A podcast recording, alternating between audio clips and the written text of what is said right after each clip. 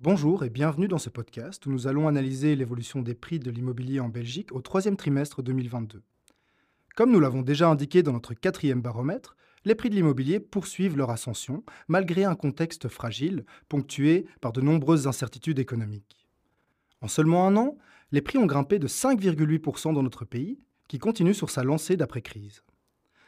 Au troisième trimestre, au niveau des provinces, on remarque que Namur se hisse au sommet de la hausse avec une progression de 2,5%, suivi du Limbourg 2,2% et de Liège 1,8%.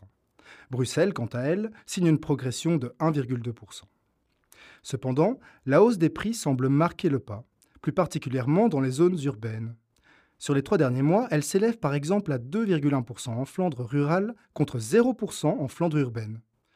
Ce sont donc toujours les zones rurales qui tirent le marché vers le haut, mais nous assistons néanmoins à une stabilisation générale des prix, qui est encore plus visible dans les grandes villes. Autre constat, c'est la perte du pouvoir d'achat immobilier des Belges. Avec l'augmentation du taux de crédit, qui ont doublé depuis le mois de janvier, passant de 1,45 à 2,95% le Belge est confronté à une perte importante de son pouvoir d'achat.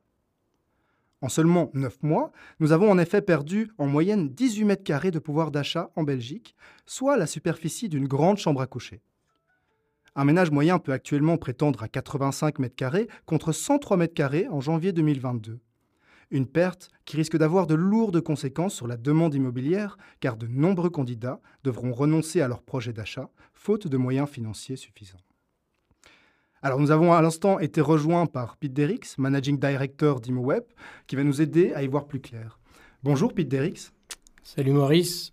Euh, puis on va dire Pete, hein, on est entre nous là. Avec grand plaisir. Alors euh, merci de nous avoir rejoints. je vais commencer par euh, une première question.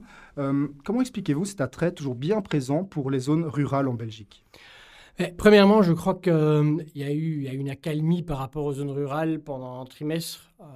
donc, ce n'est pas comme si sur les deux dernières années, euh, euh, les, zones rurales avaient réellement perdu en intérêt. Je crois que oui, il y a eu une augmentation nouveau sur le troisième trimestre, euh, mais c'est plutôt le deuxième qui était exceptionnel par rapport à une, demande qui avait augmenté de nouveau dans, les villes. je pense également que ce qu'on voit, c'est qu'il faut aller de, plus en plus loin. tu viens de citer les pourcentages. On parle de la province de Namur, on parle du Limbourg. il y a aussi euh, West-Flandre qui est en train de reprendre un peu plus. Et ça signifie qu'il faut aller de plus en plus loin, il faut aller plus loin des axes de grandes villes pour avoir en fait un bien payable. Et donc, vu que la demande est encore toujours un peu plus élevée dans ces zones-là, ben, les prix continuaient à proportionnellement augmenter euh, plus dans ces provinces un peu plus éloignées de centres névralgiques, en fait, surtout de Bruxelles ou voire d'Anvers.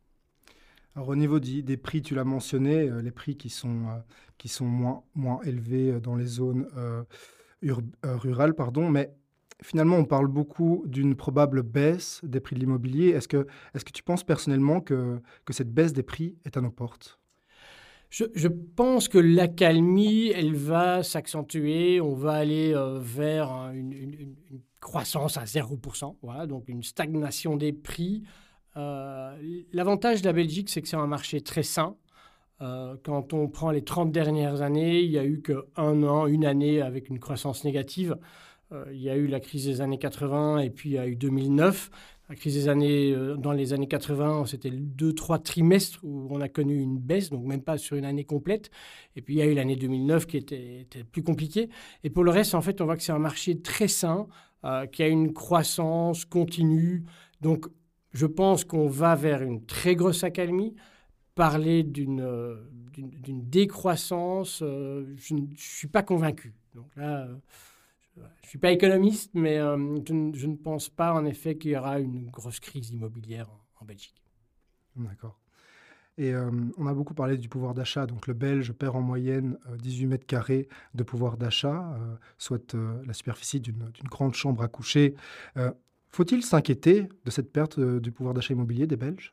Alors oui, là, autant par rapport à la, valeur des biens, je m'inquiète moins. Euh, par rapport à la capacité euh, d'acheter de la superficie, il faudra serrer un peu sa ceinture. Et ce qui m'inquiétait le plus par rapport à ces résultats du troisième trimestre, c'est que sur Bruxelles, un couple avec un revenu moyen ne peut plus se permettre 100 mètres carrés. Donc on descend sous ce seuil de, 100 mètres carrés, euh, qui psychologiquement, ben, c'est peut-être compliqué. On a l'habitude en Belgique de pouvoir se permettre plus de mètres carrés que dans tous nos pays avoisinants, euh, de pouvoir avoir euh, beaucoup de mètres carrés par, par habitant, par personne dans une famille. Et là, on se dit que ben, à Bruxelles, finalement, avec un, deux, voire même trois enfants, un couple avec chacun un salaire moyen ben, devra se contenter de 90 mètres carrés. Donc oui, là, je m'inquiète un peu plus euh, parce qu'on n'a pas l'habitude. On n'est pas dans des villes comme euh, euh, Paris ou Francfort, Hambourg, Londres, n'en parlons même pas.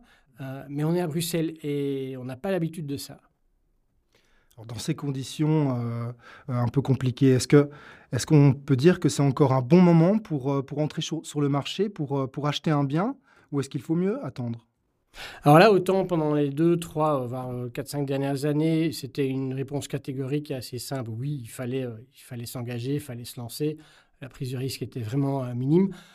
Aujourd'hui, c'est vraiment du cas par cas. C'est une situation individuelle, mais une personne ou un couple, un ménage qui, est, qui est capable d'acheter, oui, on conseillerait encore toujours d'acheter. Les taux d'intérêt restent bas, oui, ils ont doublé en un an, euh, mais par rapport à ce qu'on a connu euh, il y a 15-20 ans, euh, ça reste très très bas.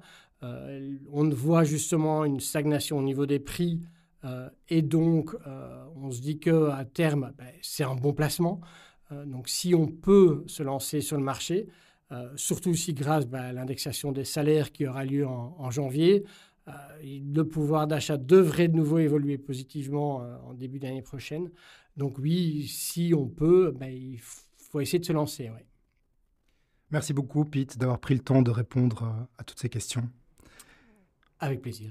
Et c'est déjà la fin de ce podcast sur la situation immobilière en Belgique au troisième trimestre. Pour plus d'informations ou pour consulter notre dernier baromètre des prix, rendez-vous vite sur blog.imoweb.be. Merci beaucoup et à bientôt.